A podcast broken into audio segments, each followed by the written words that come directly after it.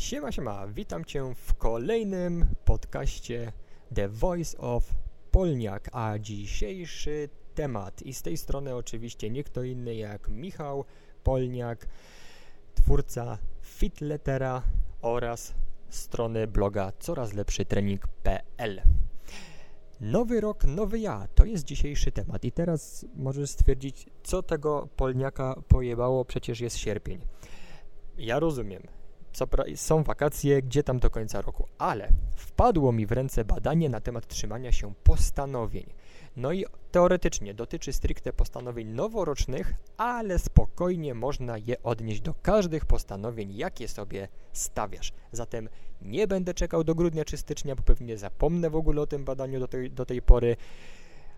Zatem omawiam je dla Ciebie już teraz. Badanie Oskarsona i współpracowników. 1066 osób wzięło na ochotnika udział w ich badaniu. Jedynym wymogiem było mieć ukończone 18 lat. Badanie rozpoczęło się w grudniu 2016 i trwało do grudnia 2017. To też pokazuje, jak długi jest proces badawczy. Skoro załóżmy, że potem główne wyliczenia trwały w, w 2007, były w 2018 roku, no to gdzie tam do 2020, pod koniec którego to badanie się ukazało? No ale cóż, jest jak jest, nie przeskoczymy tego. W styczniu 2017 uczestnicy zostali losowo przydzieleni do jednej z trzech grup: bez wsparcia, ze wsparciem i z super wsparciem. Grupa bez wsparcia otrzymała krótkie informacje na temat postanowień noworocznych. Uczestnicy z tej grupy mieli określić swoje postanowienia oraz podać stopień zaufania w ich osiągnięcie na skali od 0 do 100% i były przedziały co 10%. Ten kwestionariusz wypełnili w styczniu, następnie ten sam w czerwcu oraz w grudniu 2017 roku. Grupa ze wsparciem otrzymała to samo co wyżej oraz dodatkowe informacje odnośnie pozytywnego wpływu wsparcia osób z najbliższego otoczenia, zatem mogli wyjaśnić najbliższym osobom, co robią i dlaczego ważne jest dla nich ich wsparcie, oraz comiesięczne kwestionariusze, a nie tylko trzy razy w roku. No i grupa z super wsparciem otrzymała to, co dwie powyższe oraz wskazówki, w jaki sposób wyznaczać swoje cele metodą SMART. I w ciągu roku dostali też trzy dodatkowe maile z informacjami na temat wyznaczania celów, motywacji oraz radzenia sobie z trudnościami. Uczestnicy z tej grupy jeszcze otrzymali wskazówki, aby ustalić sobie cele, które wymagają od nich działania. Na przykład będę jadł więcej warzyw, a nie unikania działania, na przykład przestanę pić alkohol.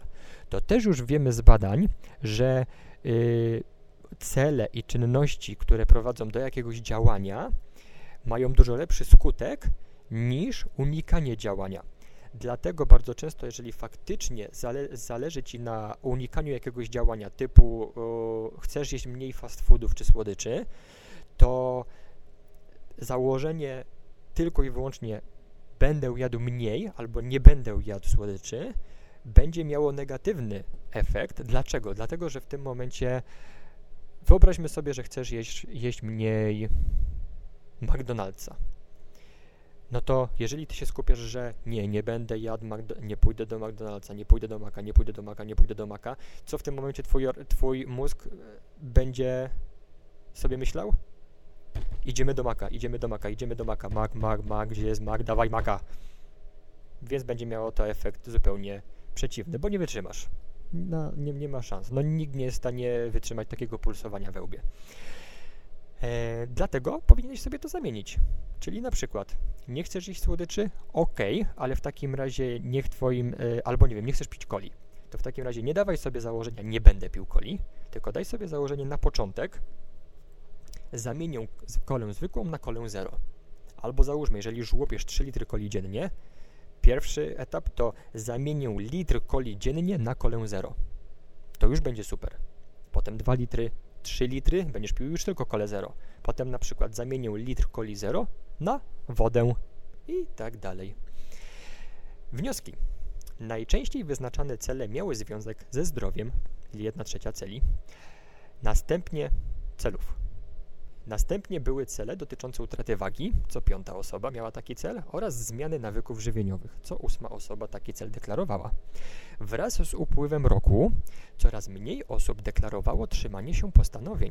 W styczniu było to około 90% uczestników, a w czerwcu już tylko 35-40%. Blisko połowa uczestników w grudniu 2017 w ogóle nie podała odpowiedzi na to pytanie. No to możemy śmiało założyć, że powodem było nietrzymanie się postanowień i po prostu nie chcieli się do tego przyznać, bo inaczej raczej chcieliby się pochwalić swoim sukcesem. Jak się okazało, grupa, która uznała się za najlepiej radzącą sobie z postanowieniami noworocznymi, to grupa ze wsparciem. I to jest ciekawy wynik. Jak możemy go zinterpretować? Jak to możliwe, że grupa ze wsparciem radziła sobie lepiej niż grupa bez wsparcia? To jest logiczne, ale też lepiej niż grupa z super wsparciem. To już jest nielogiczne. Mógłbyś pomyśleć, no widocznie co za dużo to niezdrowo, nawet tutaj umiar jest wskazany, tak? Może czuli zbyt dużą presję, kiedy dostawali więcej tych maili, więcej wskazówek i po prostu jakby bardziej psychicznie nie wytrzymali. Ale ja bym się doczepił tutaj metody SMART.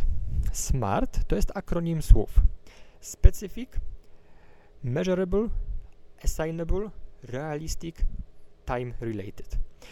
No i tak, to oznacza, że cel powinien być konkretny, specyficzny, powinien dać się określić w jakichś jednostkach, jednostkach miary, powinien dać się przypisać do konkretnej osoby, czyli do mnie, oraz do jakiegoś przedmiotu czy czynności, czyli co faktycznie powinienem wykonywać, żeby ten cel spełnić, powinien być realny do osiągnięcia i powinien być określony w czasie, najlepiej z dokładną datą. Czyli cel ogólny może, wy, może wyglądać tak, chcę schudnąć. Cel metodą SMART może oznaczać chcę stracić 10 kg masy tłuszczowej w przeciągu 6 miesięcy ok? I zrobię to, nie wiem, codziennie spacerując 40 minut, wykonując 3 treningi siłowe w tygodniu i będę jadł więcej warzyw. Metoda SMART została wymyślona na potrzeby menadżerów w korporacjach do zarządzania projektami. O ile da się tę metodę zaadoptować do innych dziedzin, np. do zdrowia, Trzeba odpowiednich umiejętności i doświadczenia w posługiwaniu się nią, aby zrobić to dobrze. Podejrzewam zatem, że uczestnicy, którym pewnie tylko z grubsza wyjaśniono o co chodzi w metodzie SMART, nie do końca dobrze wyznaczyli swoje cele. Źle wyznaczone cele to z kolei łatwa droga do porażki, zwłaszcza gdy wyznaczone cele mimo najlepszych intencji były po prostu nierealne. Bo teraz pytanie, jeżeli oni y, uczestnikom tylko wyjaśniono metodę SMART, ale nie wyjaśniono jakby co jest realne, a co nie, no to okej, okay, taka osoba sobie uznała, dobra, no to ja chcę schudnąć 20 kg w miesiąc. No jest, teoretycznie jest to wyznaczone według metody SMART, jeżeli osoba uważa, że taki cel jest realny. Zatem tutaj rola, rola badaczy powinna być taka, żeby potem, w momencie kiedy zebrali postanowienia, żeby zweryfikować, co jest realne, a co nie i ewentualnie doradzić osobom, że słuchaj, ale w miesiąc to nie ma szans. Daj sobie na to 5 miesięcy na przykład. Ja, ja myślę, że tutaj był, tutaj był e, cały problem tego badania. No dobrze, co możemy sobie z tego wyciągnąć do naszej praktyki? Przy wyznaczaniu celów zawsze staraj się pracować nad działaniami, a nie unikaniem działania. Co więcej, skup się na samym procesie osiągania celów. Niech proces będzie celem samym w sobie. Załóżmy, że chcesz schudnąć 10 kg. Gdy wyznaczysz sobie to za cel, masz większe ryzyko porażki, zwłaszcza gdy po tygodniu pilnowania diety zobaczysz na wadze ledwie 1-2 kg mniej i stwierdzisz, ja, gdzie tam do 10? Tyle wyrzeczeń, na imprezę nie poszedłem, odmówiłem tego, tamtego, siamtego, a tu serio, jestem dopiero w, w ogóle na początku cały czas. Ja myślałem, że to już w połowie co najmniej będę. Natomiast jeżeli Twoim celem będzie codziennie, znaczy tak, celem dalej będzie schudnąć te 10 kg, ale skupisz się na procesie, czyli na przykład 30-40 minut spaceru dziennie, jeść więcej warzyw i białka, no to nie tylko codziennie odhaczysz małe zwycięstwa. Po prostu codziennie wstajesz pół godziny wcześniej, idziesz na spacer, yy, kupujesz więcej warzyw, yy, kupujesz jakieś więcej źródeł białka. Yy, teraz, no teraz jest naprawdę tego pełno. Skyry, twarogi, no już nie wspomnę o typowo proteinowych produktach, od których półki się wręcz uginają. Naprawdę nie ma z tym żadnego problemu, żeby jeść więcej białka. To nie tylko codziennie odhaczysz małe zwycięstwa, a im więcej takich zwycięstw odniesiesz, tym bardziej zbuduje to Twoją pewność siebie, to prawdopodobnie doprowadzą Cię one do końcowego sukcesu. A nawet jeżeli nie, to szczerze myślę, że będziesz w chuj zadowolony, że codziennie spacerowałeś, że jesz więcej warzyw i białka i poza tym ja myślę, że nawet jakbyś nie zobaczył 10 kilo mniej, tylko 5 kilo, to i tak Twoje zdrowie na tym zyskało dużo, dużo więcej. Dobrze. Niesamowita sprawa, bo ponad 10 minut trwa ten odcinek The Voice of Polniak, także e, coś tutaj nie bygło, no ale po prostu to był taki troszkę dłuższy temat. Dziękuję Ci bardzo za Twoją uwagę. Mam nadzieję, że przyda Ci się to w wyznaczaniu swoich e, celów na przyszły rok, albo po prostu w wyznaczaniu swoich celów jeszcze na koniec tego roku. Cały całe, ile to? 4 miesiące przed nami, wrzesień, październik, listopad, grudzień, jakby nie patrzeć. 4 miesiące to jest wpis do czasu. Zatem jeżeli już odpuściłeś, bo twoje postanowienia nie wyszły, Gówno mnie to obchodzi, masz w tej chwili wyznaczyć swoje nowe cele, które zrealizujesz jeszcze w tym roku, żeby odhaczyć ten rok jako zajebiście zrobiony. Jasne? Nie jutro, nie za tydzień, bierz teraz w tym momencie, wyłączaj to, co ględzę, bierz kartkę i zapisz swoje cele i przede wszystkim zapisz proces, którym te cele osiągniesz. I daj mi znać, napisz do mnie wiadomość prywatną, napisz do mnie gdziekolwiek w komentarzu, żebym, gdzie będę mógł to zobaczyć, napisz mi, jakie są Twoje cele i jak je osiągniesz, a ja Ci pomogę je zweryfikować.